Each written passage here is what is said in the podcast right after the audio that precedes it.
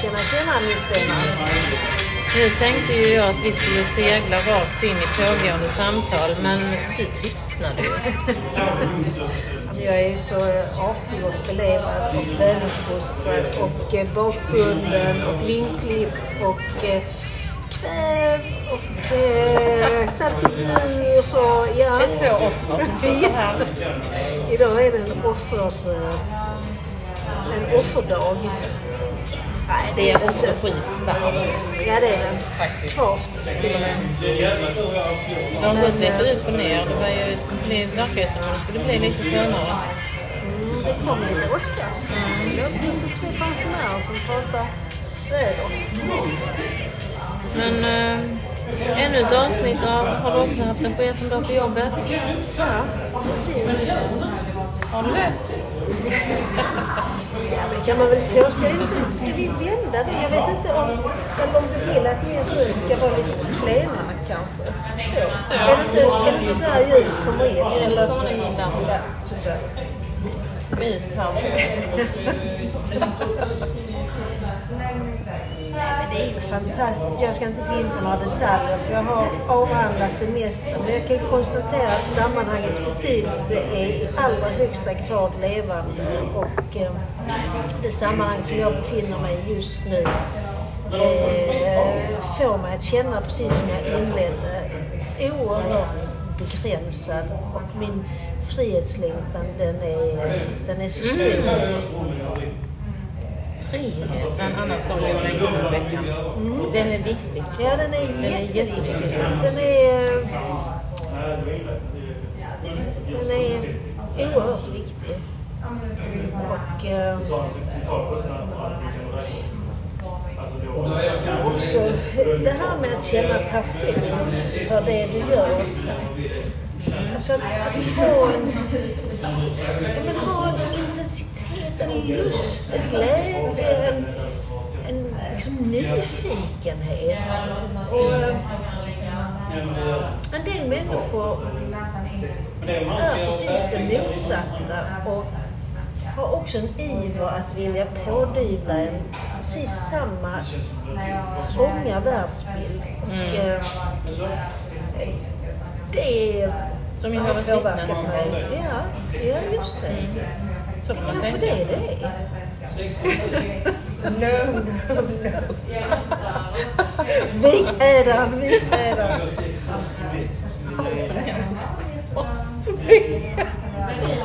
Vita konserter. Åh, Gud vad kul.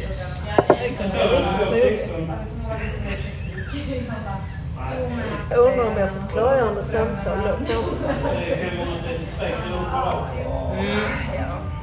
Mm, ja, tror jag. Men Men du måste ju kunna skratta åt eländet och tack, tack och lov att vi kan sitta här och prata just här och nu om allt det som pågår och allt det som emellanåt förefaller så galet så att du tror att du själv är totalt har tappat, alltså galen och tappat förståndet. Att ha hjälp att, att ändå hitta tillbaka och förstå att sammanhanget faktiskt kan göra dig, eh, inte galen, men få dig liksom att känna samma vanmakt som... Ja, men det som är skrämmande som jag... Vi har väl diskuterat det också. Vi har ju snart diskuterat det mesta, men det tar ju aldrig slut. Nej, nej.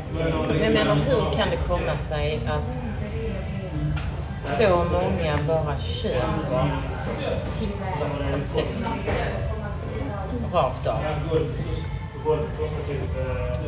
Om jag ställer det bredvid den arbetsplatsen som du och jag har levat. Ja. Nu är jag nyfiken på Ja, men fortsättningen. där är ett fenomen där man sitter på utbildningar, föreläsningar, möten, eh, incheckningar, utcheckningar. Eh, man rör sig... Den här organisationen är ju enorm. Det är en koloss. Ja. Man rör sig på olika plan, i olika sammanhang, i olika enheter. Och det är liksom som att följa en ström. Alla nickar och ler och här sitter du och jag och liksom förtydligar, dissekerar. Jag har säkert sagt, hade man räknat det så har jag sagt tusentals gånger, sjuka system. Alltså, det är helt sjukt. Men, men, men det farliga är ju att du är ju i det, där och då. Och driften att passa in måste ju vara större. Att ha en tillhörighet, att förstå, okej okay, vad händer? Är det är bara jag som inte fattar det? Det är bara jag som har någon skev verklighetsuppfattning. Alltså jag, här, så här gör vi här. Men jag tror att de allra flesta rationaliserar, precis som vi pratade om innan. Man förhåller sig till det som man kan påverka och förändra och det som man bara behöver förhålla sig till. Och det tror jag varken du eller jag är speciellt bra på. Och precis som vi pratade om, det är både en styrka men också en belastning. Men främst en styrka. Det är också så att motståndsrörelsen måste ju ha fötts ur personer mm. som ändå hade liknande uppsättning som vår. Mm. Som inte bara liksom accepterade det. Ja, så har jag inte tänkt på det. Faktiskt inte. Men tror du inte att det ligger någonting i det? För där fanns ju massor av människor, de här som blev såna här rätt högt uppsatta, kanske inte lägervakter utan kanske något snäpp högre. Många av dem var ju högutbildade, det var, det var ju rätt många män som, mm. som var inne i det här. Men familjefäder hy, alltså, hyggliga mm. människor. Eh, men som förmodligen rationaliserade på liknande sätt mm. som de människorna som som tänker det här kan jag inte påverka och förändra, jag måste bara förhålla mig till det. Mm. Alltså. För jag drog i likheter att det är så här vi fungerar. Vi följer strömmen. Det är inte så konstigt att det som hände i Tyskland hände. För jag kan ju se likheter med mitt eget beteende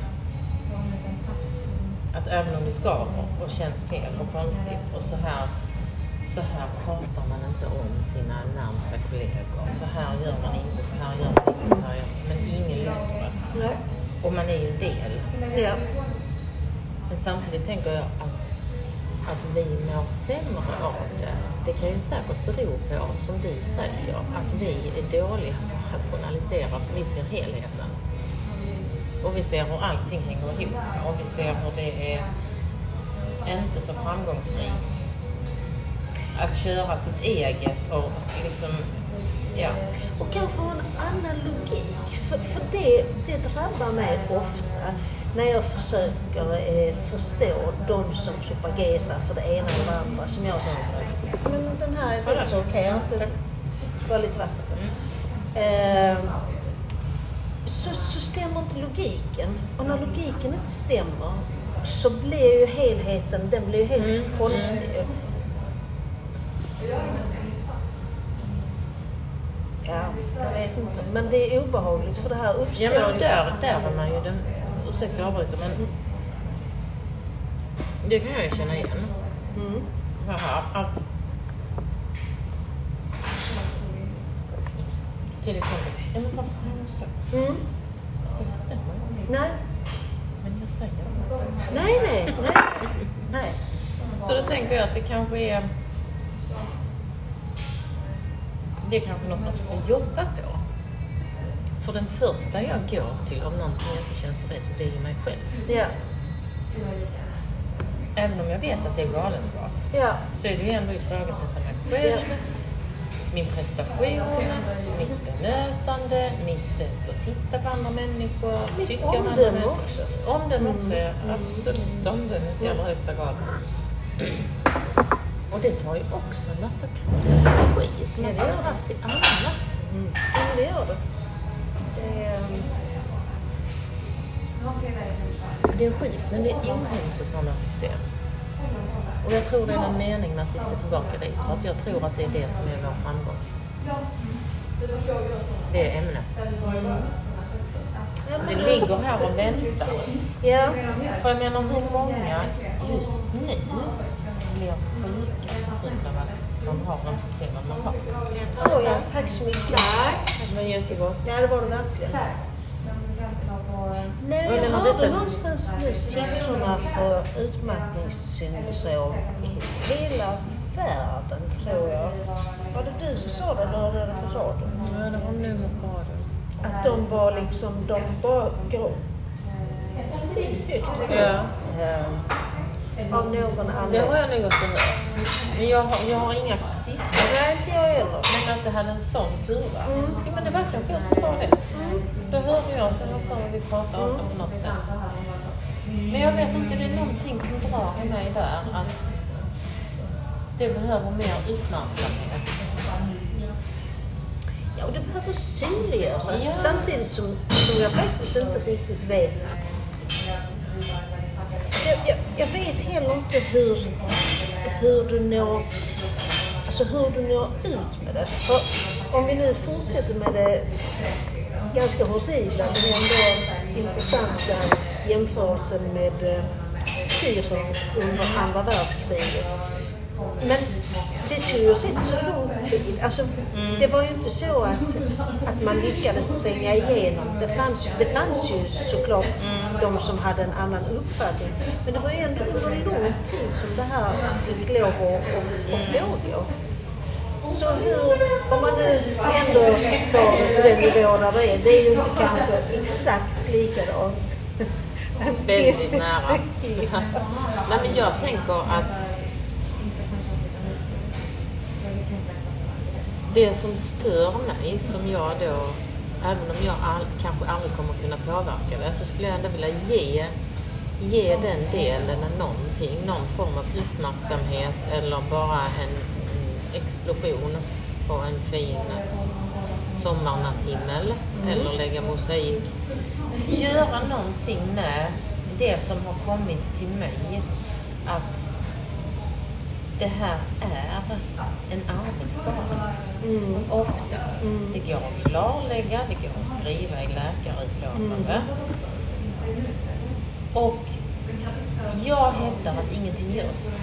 Nej, Det tas inte på allvar. Nej, det det gör det sker sällan eller aldrig anpassningar.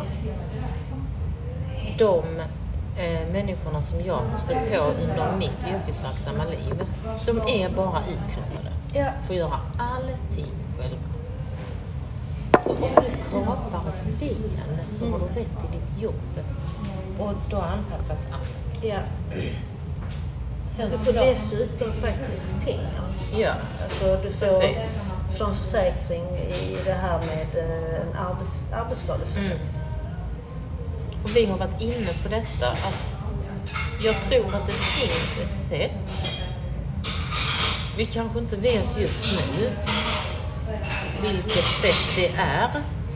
Men jag tror att det finns ett sätt att belysa alltså de här frågorna.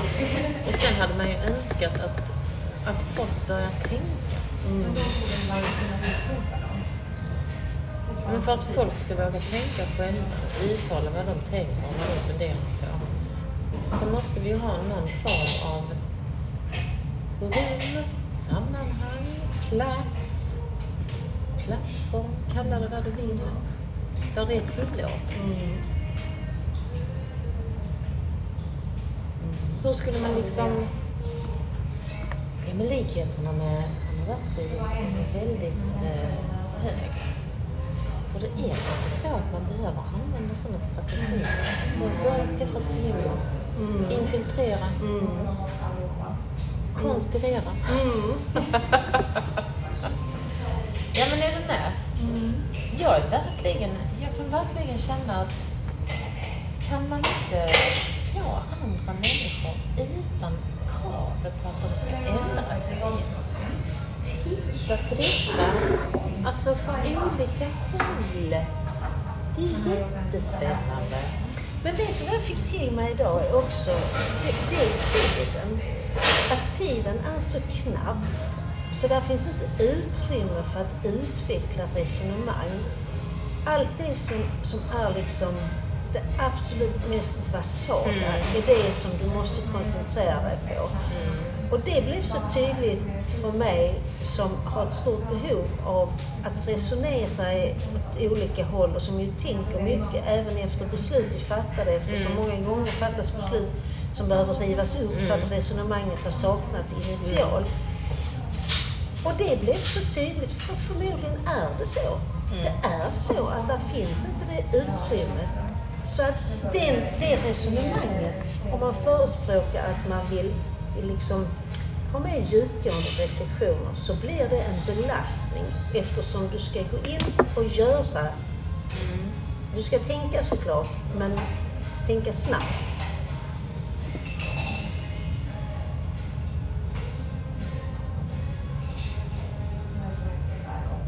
Men hur skulle man möjligtvis kunna lösa det? För jag menar, vi... Du kan ju ha väldigt häftiga resonemang under tiden du, du utför ett arbete. Mm. Ett utbyte kan ju ske. Du behöver inte... Eh, jag vet inte riktigt var jag vill komma, men att resonera kring saker och ting. Mm.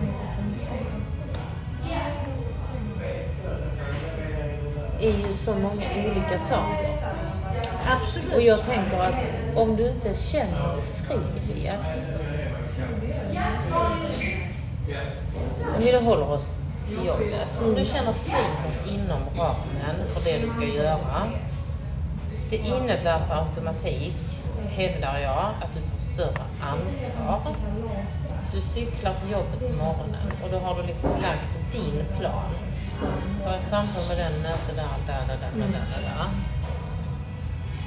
Friheten gör att du känner att du äger din tid. Alltså jag tror att jag fiskar efter att jag tror att tiden finns. Mm. För jobbar du i en verksamhet där du har barn, elever, ehm, så sker det ett resonerande med barngrupperna och tillsammans som kan ge oerhört mycket åt Absolut. alla håll. Och det sker ett, liksom, en växelverkan och ett lärande. Det tar man med sig. Man kanske diskuterar med sin kollega. Skulle det finnas eh, någonting där så är det inte så svårt att ja, men vi kollar vår kalender. Kan inte du och jag sätta oss ner en timme där nästa vecka eller nästa vecka igen? Fast det kan ju vara så här att de sjuka systemen vi pratar om som vi ju har identifierat, de vill kanske inte ha detta. Nej, jag tror Precis som du säger. prioriterar annorlunda. Ja, men jag tänker också när du, när du beskriver ert besök och, och du, du gör den reflektionen, ah, men alltså här har jag gått och väntat på mer. Men det kanske aldrig har varit avsikten. Nej, Jag tror ju verkligen inte att det är en avsikt att, att vi då som, som att jobba i den här branschen. Det är ingen strävan eller en avsikt eller något mål överhuvudtaget att vi ska bli självgående, känna oss fria och fatta egna beslut. Nej, och jag, jag tror också att det kan vara så att när du gör en satsning på något som, som ju klart tillför, för allting tillför på olika sätt, så tror jag också att det blir som någon form av nederlag om inte det skulle vara fullständigt optimalt. Då hade det dåligt satsade pengar. Medan jag tänker att vad det än är, säger jag, en, eh, en opera teaterföreställning som jag inte gillar. Så kan den leda mig mycket starkare framåt än någon som, ja men det här var fantastiskt. Och sen så, stopp. För, för de där upplevelserna, de sätter igång helt andra processer som, som gör att du reflekterar och kommer, i alla fall tycker jag, mer i en sån här utvecklingsfas. Annars blir det lite mer eh, konserverande att, eh, och bekräftande och Ja, jag vet inte om det ligger någonting i det. Att, att, att man liksom bara vill ja, att saker ska vara bra. Det är också någon text som jag har läst. Och det är samma sak där. Att den där kritiska granskningen, den är ju också intressant eftersom vi upplever det på olika sätt. Och det skulle ju träna en själv i att argumentera för sina egna synpunkter. Och den möjligheten ges ju inte om man väldigt, väldigt snabbt måste komma till konsensus. För då behövs det ju inte, för då är alla överens. Så astråkigt. Ja, ja, det är det ju. Men sen är det väl också föreställningen om vad som är, vad som är en dynamisk arbetsgrupp. Eh, och jag tror även där att, att, att åsikterna går helt isär. Liksom. Ja, det är ju ingen, ingen lösning att utnämna sig till diktator. Nej, men vi har varit inne på det ett par gånger. En jag, positiv jag, jag, tänker, diktator. jag tänker att jag vet vad som är rätt. Ja. Men, men kanske är det så att i de världarna där, man, där det egentligen är samma typ av maktstruktur så kallas det för sekt. För då är det någonting som, eh, som förefaller vara så här ändå eh, i, eh, i gott syfte. Liksom. Det kan väl i och för sig en diktator också vara. Det, är- ja. Jag är bara så sjukt sugen på att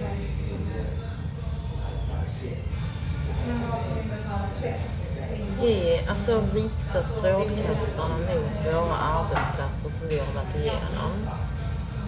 Och vad de här sjuka systemen kan göra. Men på något sätt så vill jag inte, jag vill inte offentligt mörda någon. Jag vill inte göra det på känslosamt kletigt sätt. Utan jag skulle vilja göra det konstruktivt. Alltså gestalta. Så här kan det se ut. Och vad gör man? Jag menar, jag tänker att du och jag borde kliva fram som förebilder. Eh, inte för att vi har gjort rätt. Men liksom visa vad som kan hända. För att på något sätt eh, kanske inte gå i det här lite naiva, godtrogna levandet. Alltså få någon bli rustad med att det kan se ut på det här sättet. Men jag tycker absolut vi ska göra.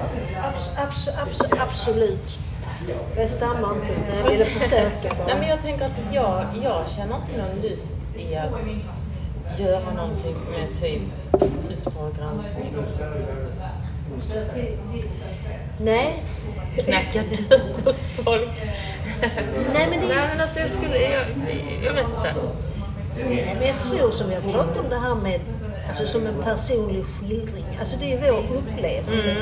Det, det, som jag, det som jag funderar över och som jag sa innan, det är det att tränga igenom skiktet på alla de som är medlöpare. Alltså de som, som skulle förneka det här. Alltså det finns ju så många som, som är i bubblan, har en fördel av bubblan och där den här typen av redogörelse eller synliggörande skulle ju utgöra någon form av hot för den här bubblans existens. Och då skulle ju de kanske på allra bästa bubblan som måste ju- spränga sig. ja, sprängas luft. Nej men eh, stickas hål på. På något sätt. Ja. Men du, vet du den här underbara funktionen som finns på datorerna där man kan prata och så skriver den. Har du provat den? Men det ska inte vara så svårt. Nej, för jag funderar på om man skulle prova att använda det i våra samtal. Och sen så skulle vi kunna fokusera på det som vi nu är inne på. Att eh, lyfta fram eh, den här resan som, som vi har gjort, båda två fast av olika anledningar och olika håll. Eh, och så se vad det, alltså, Se vad det blir. vad det blir. Ja. För jag tänker...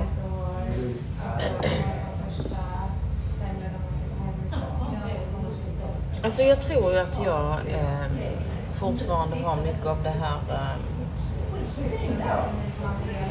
rädda världen mig. Ehm, och då tänker jag att ja, tränga igenom den grå massan, det tror jag inte går. Nej. Och alla som är där och känner att det är värt det. Det, det jobbet tilltalar inte dem. Nej. Men de som går där ensamma och ser ut som om de går med alla andra Ja. kanske kan få någon form av styrka. Sen kanske det tar flera år men... Och så menar inte jag att vi ska skriva en tröstebok. men jag menar det är ju...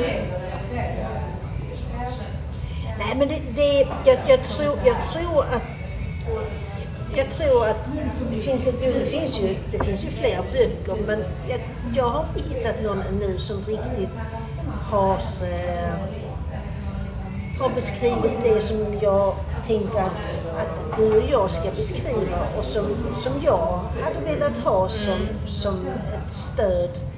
Ja, men jag tänker en viss igenkänning, en, en form av uppvaknande i val och beslut som man fattar. Ehm.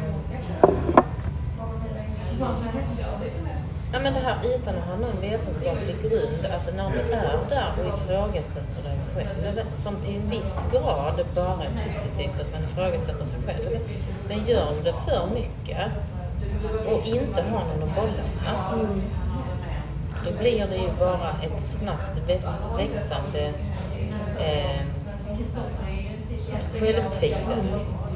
Ingenting annat. Och så tvivlar du på allt du gör och det finns ingenstans du kan ta vägen. Ja, men det har en förödande konsekvens, alltså verkligen förödande konsekvens. För, för det är inte bara det att, att den rent... Eh,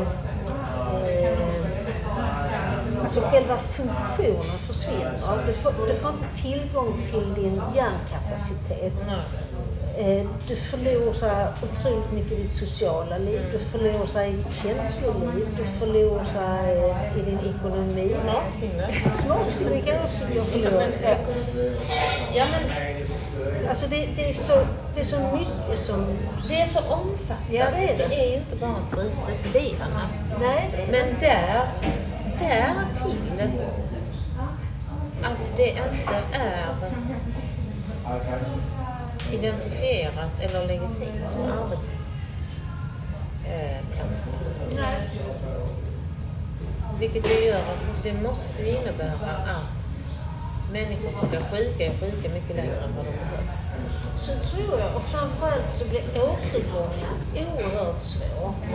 För, för där blir det ju också att hitta Alltså om du får en synskada, så hur gärna du än vill så kan du inte se utan hjälpmedel. Alltså så, så är det ju. Och likadant är det ju här. Att om, Jag blir bara så full i skratt. Ta en arbetsplats ja, och ta en ögonsjukdom som gör att du blir blind ganska snabbt. Det tar tre månader. Och så hade alla låtsats som ingenting. Bara behandlat dig som ser bara blundat för. ja. Eller bara liksom, ja nej men då kan du ta lokalen i källaren i fönster. Så är vi av med henne. Ja. Nej men det, det är liksom så horribelt. Och det, det är där du också, det är ingen som, det är ingen som tänker att du får en eh, ögonsjukdom om du fortsätter på det spåret. Och det påverkar den kompetens som du hade innan du fick skadan. Alltså man tänker ju inte att oj oj oj. Nej. Men jag, jag tror fortfarande att det finns, den här skörheten skrämmer mycket och att den skörheten gör dig eh, mindre, eh, mindre, inte kanske, ja i vissa fall kompetent, men att, att du, du räknas ut snabbare. Det är ingen, ingen som du kan räkna med. Och det är ju förfärligt.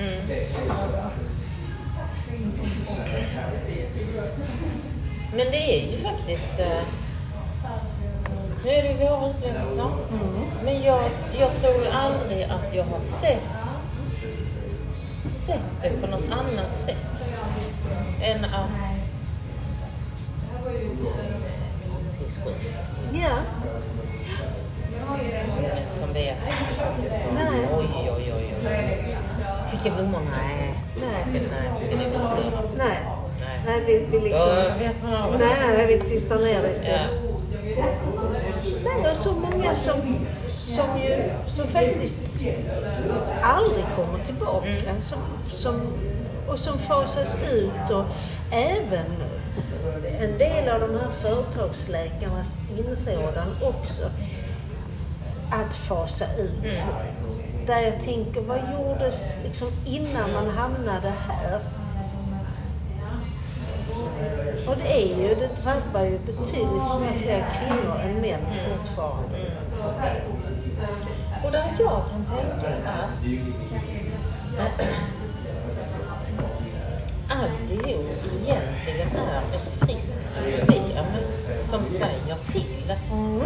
Och någon eh, idiot fången i det friska systemet lyssnar inte. För att det, det gör man inte. Nej. Och det, tror, det hänger ju verkligen ihop med hur man sen behandlas. Mm. Ja, ja. Vilket alla som jobbar tror jag har någon ganska nära sig. Ja, det Som de har sett hur det går till. Ja. Och man vill absolut inte gå dit. Men precis som vi pratade om innan, det måste ju också läggas upp på bordet. Ja.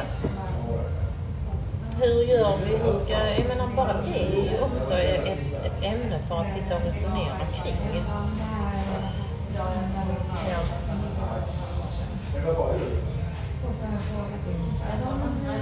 Nej, fy fan. Nej, det, det är de lägena som, som jag verkligen eh, är tillbaka till de här tankarna och gå sin helt egen väg. Man önskar att de som vann, var de 100 000 i månaden i 10 år? Eller tysken som vann en miljard 415 kronor.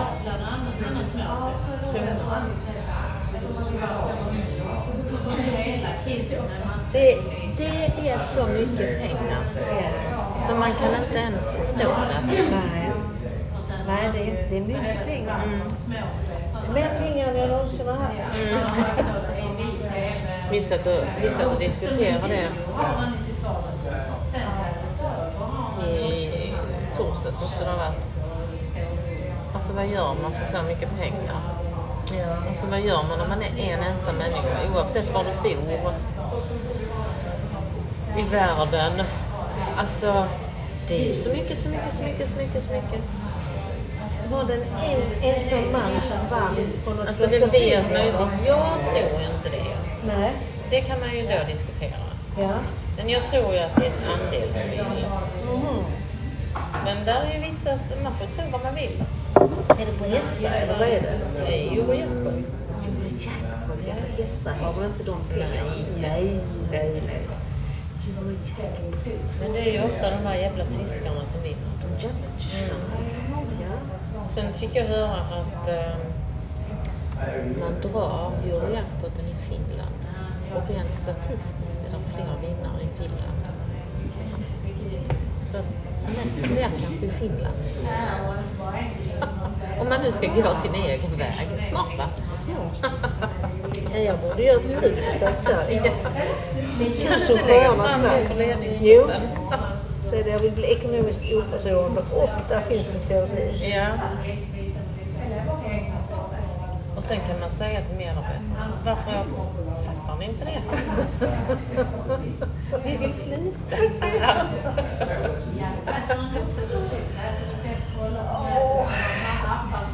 Men det är ju blandade känslor. Det är det, det, är det som gör det tragiskt också. För, för det som en klok läkare sa till mig för många, många, många, många år sedan. Att, och då pratar man inte om... Jo, man hade precis, tror jag, myntat, eller myntat, man hade fått diagnosen utmattningssyndrom. Men man pratade ju om utbränd. Eh, sen så sa man ju att utbränd var ett sånt definitivt begrepp så att det skulle man inte komma tillbaka. Men hon sa i alla fall att... Ja, det var en... Ja, vi har också hus. att man måste brinna för att bli utbränd. Och det är ju det. Alltså, det är ju ofta förknippat med att du faktiskt har en passion för någonting. Det är just, ja, jag har ingen statistik för det där om det är de som tycker det är sjukt tråkigt som också drabbas. Det är det säkert det också. Men det är ju många med en passion i yrket. Så det är ju det är så blandat för det är ju inte så att du allra helst bara vill släppa det. För det har ju också tillfört enormt glädje och inspiration och allt annat bra. Men vi har sagt, du har sagt, rättare, rättare sagt så har du sagt, du vill avsluta ditt liv. Det lät som att det var slut. Du vill Nej, avsluta har ditt arbetsliv. Ja. Ja. Du vill avsluta ditt arbetsliv Ja. på samma sätt som du började. Ja. Den har inspirerat mig. Wow. Ja, men varför tror du jag där jag uh.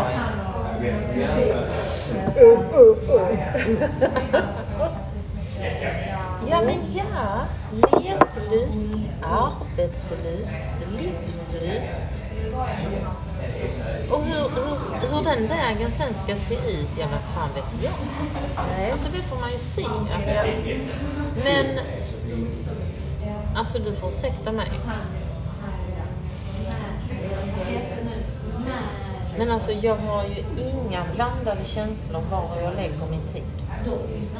Hur roligt jag än har haft i mitt jobb och kan sakna vissa delar. När vi sågs senast, alla vi i lilla ledningsgruppen, så gud vad jag kan sakna och känna mig arbetssugen i det sammanhanget, med de människorna, på det här sättet, la, la, la, la, la, la, la. Det, jag vet inte vad det skulle vara jag skulle göra för att det skulle bli så. Alltså det har ju blivit en utopi. Så att gå tillbaka och jobba som det jag jobbade med när jag började min karriär det är ju inte aktuellt. För det är ju inte så det var på 80-talet. Sen har inte du och jag samma uppfattning, men jag hamnade ju på ett ställe som var jättebra. Jag fick frihet, jag fick ta ansvar, jag blev ifrågasatt, eh, avställande chefer. Eh, men hela tiden en levande dialog. Och i den levande dialogen så är det mycket resonemang. Resonemang är ett kunskapskrav i läroplanen för grundskolan. Alltså hallå! Och ska vi inte koppla den läroplanen med den läroplanen? Eh, processer som aldrig tar slut. Jag menar på något sätt, det borde ju vara en, en kvalifikation. Det borde ju vara frågor i rekrytering. Ja, ja. Hur hanterar du processer? Tänker du? Ja. För liksom att passa in, och vad är det för grupper vi har? Ja men här har vi Alltså jag har ingenting emot att man använder rund eller fyrkantig eller till och med A och B-människor. Jag har ingenting emot det. Det klingar dåligt. Men om vi allihopa är överens om att vi kallar oss för A och B och C-människor. Och alla vet vad det ligger i de här boxarna. Och vi ska ha lika stor plats allihopa. Då är det skitsamma vad vi kallar oss. Men den typen av... Eh, alltså det är ju där det börjar. Eller?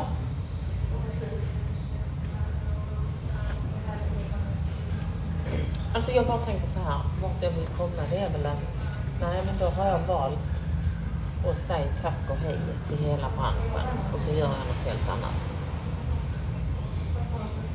Sen vad det utvecklas till, alltså det, det stoppar inte här men men det, det, det är samtidigt lite konstigt för att jag här och nu kan jag absolut inte tänka mig att gå tillbaka till det jag har jobbat med. Men jag vill ändå avsluta mitt yrkesliv på samma sätt som jag började. Ja. Utifrån att det ska fan vara roligt att jobba.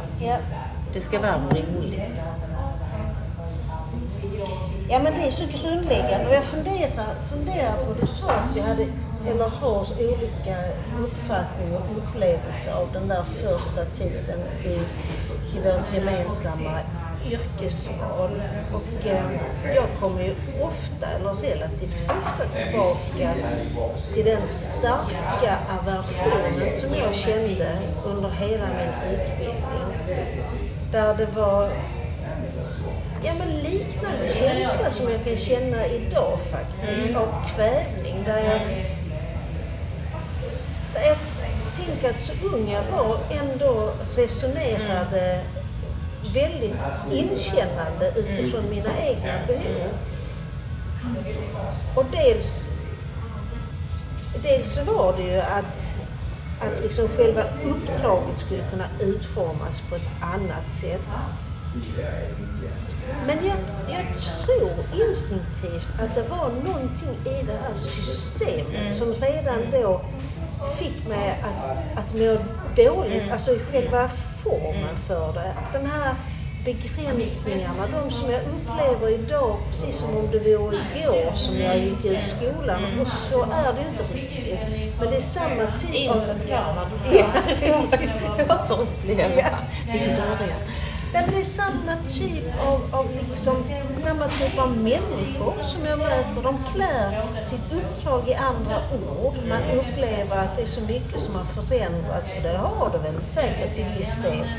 Men alla de här människorna finns fortfarande kvar som har något behov av att kontrollera, begränsa, eh, formera det i små hanterbara boxar istället för att bara springa och, och liksom springa gränser och uppleva och vara nyfiken. Ja, men det är ungefär som att lägga ett, ett glasfibertak i bollhavet. Ja, Ja, ja men precis. kul va? Men jag funderar samtidigt också på vad det är för, för eh, svårigheter som jag själv brottas med. För det är ju saker i det uppdrag som jag har valt som uppenbarligen inte är lustfyllt för mig och som kräver mycket energi. Och jag vet när jag många gånger har resonerat kring om man skulle gå igång med någonting nytt, att man skulle haft en, en eh, en trio, en trojka som, som hade ledarskapet. Där jag, om jag hade varit den som drev det, ville jobba med det pedagogiska och sen att jag skulle vilja ha någon administratör och någon ekonom. Där man helt särskilt, inte som man har idag där man har lite av var.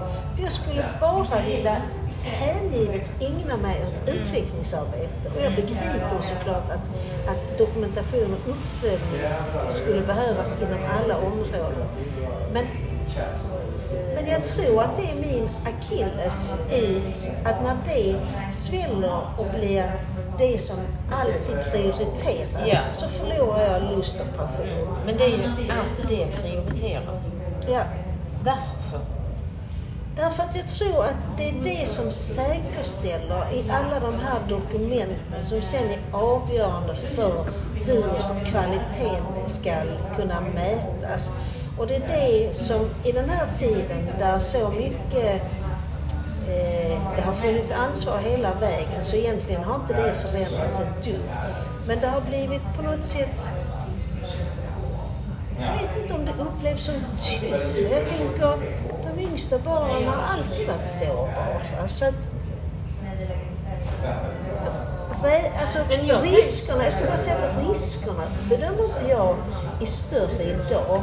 För jag upplevde att vi var mer risktagande förr. Mm. Men kanske inte att det skedde fler olyckor. Det har jag ingen aning om faktiskt. Men man var inte lika rädd för att olyckor skulle ske. Sen ville de ju såklart inte att något barn skulle komma till allvarlig skada. Men, men jag upplevde aldrig rädsla för de där Men jag små är... som jag kan uppleva idag.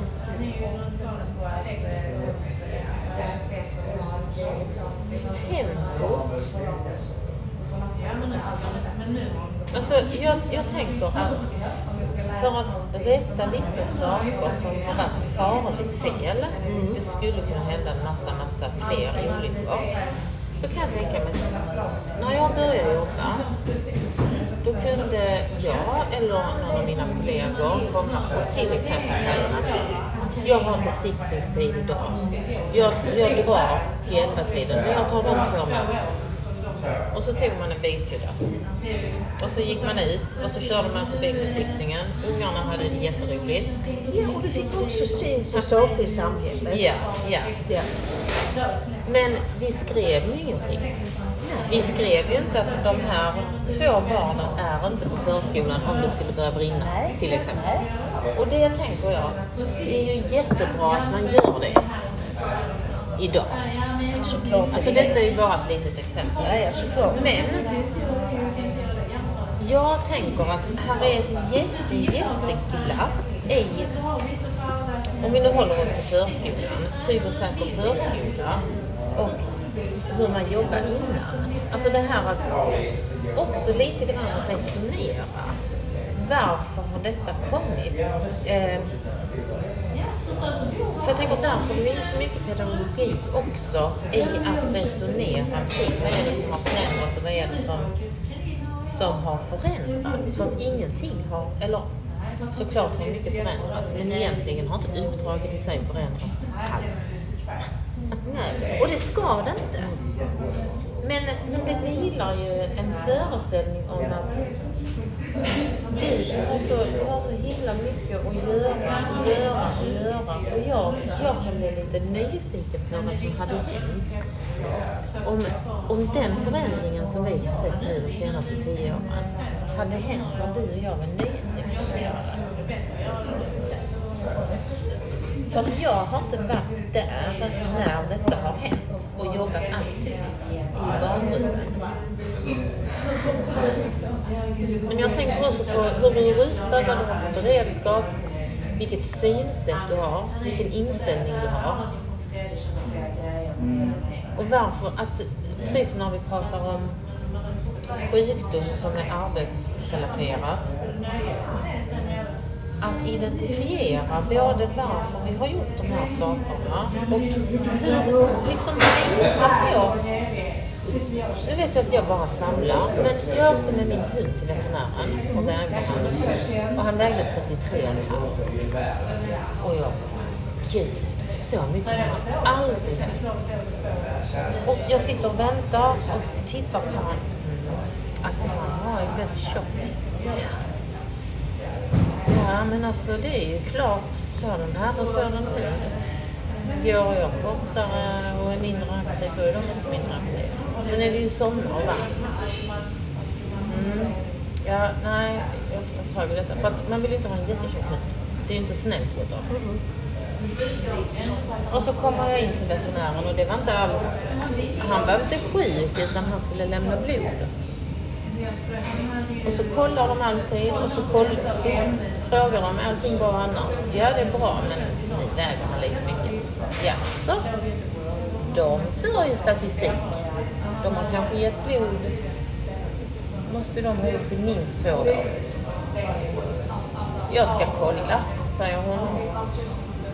Ja, men titta här. Varje sommar väger han ungefär 33,5 och sen så på vintern går han ner ett det är en sommarvikt. Mm. Alltså man får syn på någonting. Men det är ju så lätt att liksom, ja, alla mycket. Det är sant. Ja, och så blir det en sanning. Det var liksom inte Ja. alls sant. Nej. Och jag tänker det här som, som du och jag har diskuterat mycket. Eh, när man då har haft, och du har det fortfarande, en position i systemet som gör att man ska ha en liten översikt. Man är med och rekryterar personal. Även om man inte har personalansvar så har man ett ansvar att känna till grupper, bla bla bla bla bla. Och då tänker jag också att om man inte ställer, om det inte finns ett forum där man ställer de där nyfikna frågorna så att alla på ett bekvämt sätt får syn vad det är de tror de ser.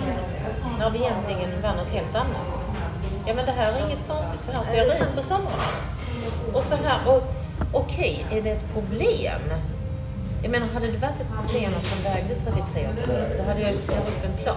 Ja, ja. Så att han inte, Ja. om veterinären har sagt, ja men det är inte bra att han bollar så här, han kan få diabetes. Ja, ja, Ja ja. men okej, då får vi åtgärda det. ja. Men det är ju inte så att det är... För det är så mycket så här, det är oöverstigligt. Så de lägger på, de lägger på, de lägger på. Vi ska det, vi ska detta, vi ska detta. Men, men det är ju också att, att hitta system där du, där du dokumenterar på ett sätt som gör det enkelt, som gör det överskådligt och som gör det utvärderingsbart. Eh, och jag, har, jag sitter inte inne med facit för just nu är min hjärna, den har nästan härdsmält. Jag, jag kommer liksom inte, jag kommer inte, kommer inte in i mitt eget system för att hitta det där som skulle kunna fungera. Så man behöver ju, man behöver ju något underlag och det tycker jag att, att jag, jag vet att för egen del att jag behöver, jag behöver utveckla rutinen för det. För rutiner är någonting som, eh, som också är ett, ett, ett utvecklingsområde. Eh, Men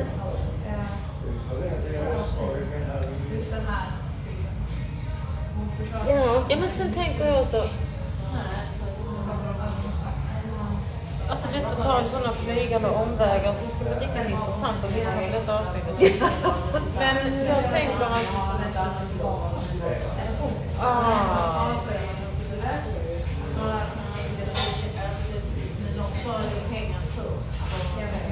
sätt och vis så har jag ju gett ut den här branschen. ja, För det kommer inte att gå. Och det är ju rätt tråkigt. ja. Men jag kan, ju, jag kan ju ändå inte slita fascineras av att det är som det är. Och att det egentligen skulle gå med väldigt små medel. Men det, är ju li, det känns ju lite grann som tolvstegsprogrammet. Alltså om, om alla inte vill så kommer det inte funka. Nej, och, och jag har ju verkligen... Eh, jag, jag lyssnade på ett av våra tidigare avsnitt, just det här kring lekens betydelse. Jag har verkligen börjat omvärdera de inte reformerna, för de tror jag var absolut nödvändiga och viktiga. Då måste jag fråga, Ja. har du varit inne på vårt Instagram? nej, Nej? är det någon som... Ja. Eh, men däremot så tror jag det som reformerna ledde till eh, är inte helt önskvärt. För, för jag tror att den här förskolan som tillför, alltså första steget i utbildningssystemet som, som tillför de allra yngsta mest, ser annorlunda ut än den formen som den har idag. Det har vilat någon otrolig hets kring vad det är man ska uppnå och att de här förutsättningarna som ska skapas för utveckling och lärande, vilket är jättebra, de har också blivit extremt... Alltså det har blivit så... Det har blivit så... Eh, det har blivit så långt, ja det är konstigt men också så långt ifrån det här ursprungliga som, som är att göda lust och passion för det som jag har ett stort behov av. Det är ju inte annorlunda om jag tittar på de allra yngsta. Det som driver den, de, alltså den interna drivkraften som gör att du faktiskt vill söka svar på frågor. Och då behöver du ju ha det lustfyllda, men kanske inte förstå alla delar. Ja. det är, många bitar som, som jag tycker att man har kommit tvärs. Och den här eh, professorn som jag inte kommer ihåg namnet på nu, men som pratar om den trånga och den vida förskolan. Jag ska verkligen söka mer kring vad han har skrivit om det. För jag tror att det behövs röster som, som lyfter fram att det finns ett kvalitativt alternativ. För man kan ju också tänka så här. Om våra, eh, eller om de system som råder i vår bransch gör vuxna sjuka. Så kan, kan tänka, det är ju helt naturligt att man tänker på vad gör det med barn? Ja. Och nu har jag ju lyft fram mig själv i så många sammanhang med mosaik och tavlor och sånt. Men jag blev intervjuad för många, många år sedan om just den här stressen. Och nu börjar man ju prata om vad den stressen gör för de allra yngsta. Och det är inte beforskat ännu. Nej. Nej. Nu skulle du visa något. Ja, jag skulle visa vårt senaste inlägg här. eh, Här kommer sanningarna fram. Du läser inte. Det är jobbet jag lägger ner. Det är så Jag är snedfördelning. sämst. Jag, jag ska verkligen skärpa mig. Jag är, jag är, jag är faktiskt... Eh, Den här. Lektion att bygga prosociala hjärnor som förstår hur det går till att interagera med andra på ett positivt sätt. Exakt, Där satt den. där satt den. Då tänkte jag, Christer Svensson måste man ju också Det ska bli ut. definitivt. Alltså vet du vad jag satt här och trodde att det var någon följare som hade kommit. Men Nej. nej, nej. Nej, nej. nej, nej. Men det är ju, det är ju precis här. Men det är ju också att Avsnittet heter lekens betydelse tror jag. Ja, Lek mer heter den och den var jättebra. Ja. det har jag lyssnat på. Men jag lovar att jag ska skärpa mig. Men det som är viktigt är ju också att värna leken. För vi har ju lagt beslag på leken som ett medel och en metod för att uppnå det som vi tror är bäst. Men leken är ju magi. Leken är förundran. Leken är ju den här passionerade... Och det är ingen prestation. Nej, inte inte, inte för... eh, Fantasi, frihet, Ja. förundran. Det ska bara Ja, vara ja, ja. liksom ett kreativt Och där kaos. tänker jag också, det ska också vara en rekryteringsfråga. Hur förhåller du dig när du är närvarande? Hur förhåller du dig till dig själv? Hur förhåller du dig till någon som du har runt omkring dig när ni ska vara närvarande i någonting? Ja. Men det jag tror är att du behöver, du behöver ändra kurs. Alltså det är inte så att, att det ena behöver utesluta det andra för du kan få med väldigt många delar i leken. Men jag tror inte att man kan ha leken som ett projekt utan det måste vara grundläggande. Ja, nej, men den, vad heter han? Christer Svensson? Författare och forskare om lek. KTH. Ja.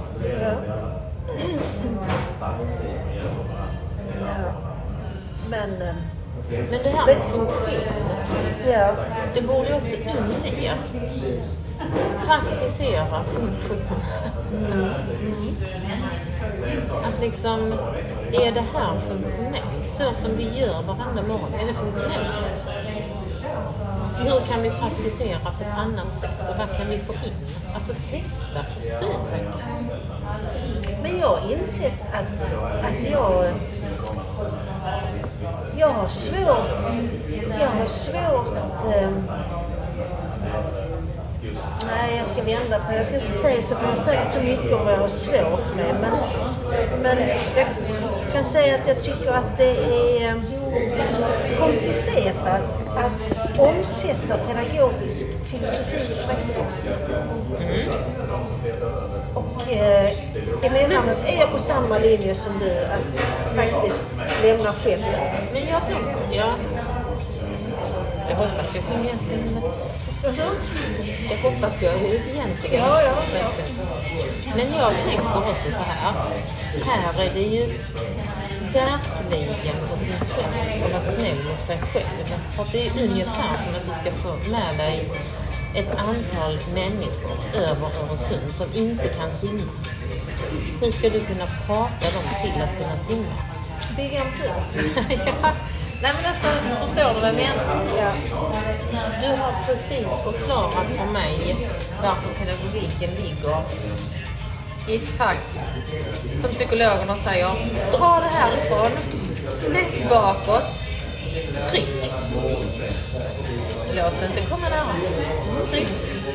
Låt den ligga där. Jag ska tillämpa. Där har ju pedagogiken hamnat. Ja. Men det blir... Tyvärr, för jag ja. menar det är ju som om det är grekiska för vissa människor. Man tar för givet, vi pratar om samma sak. Ja. Men nej, Men till och med så att det har blivit lite skämmigt. ja. Pedagogik och pedagogik, varför ska vi prata om det hela tiden?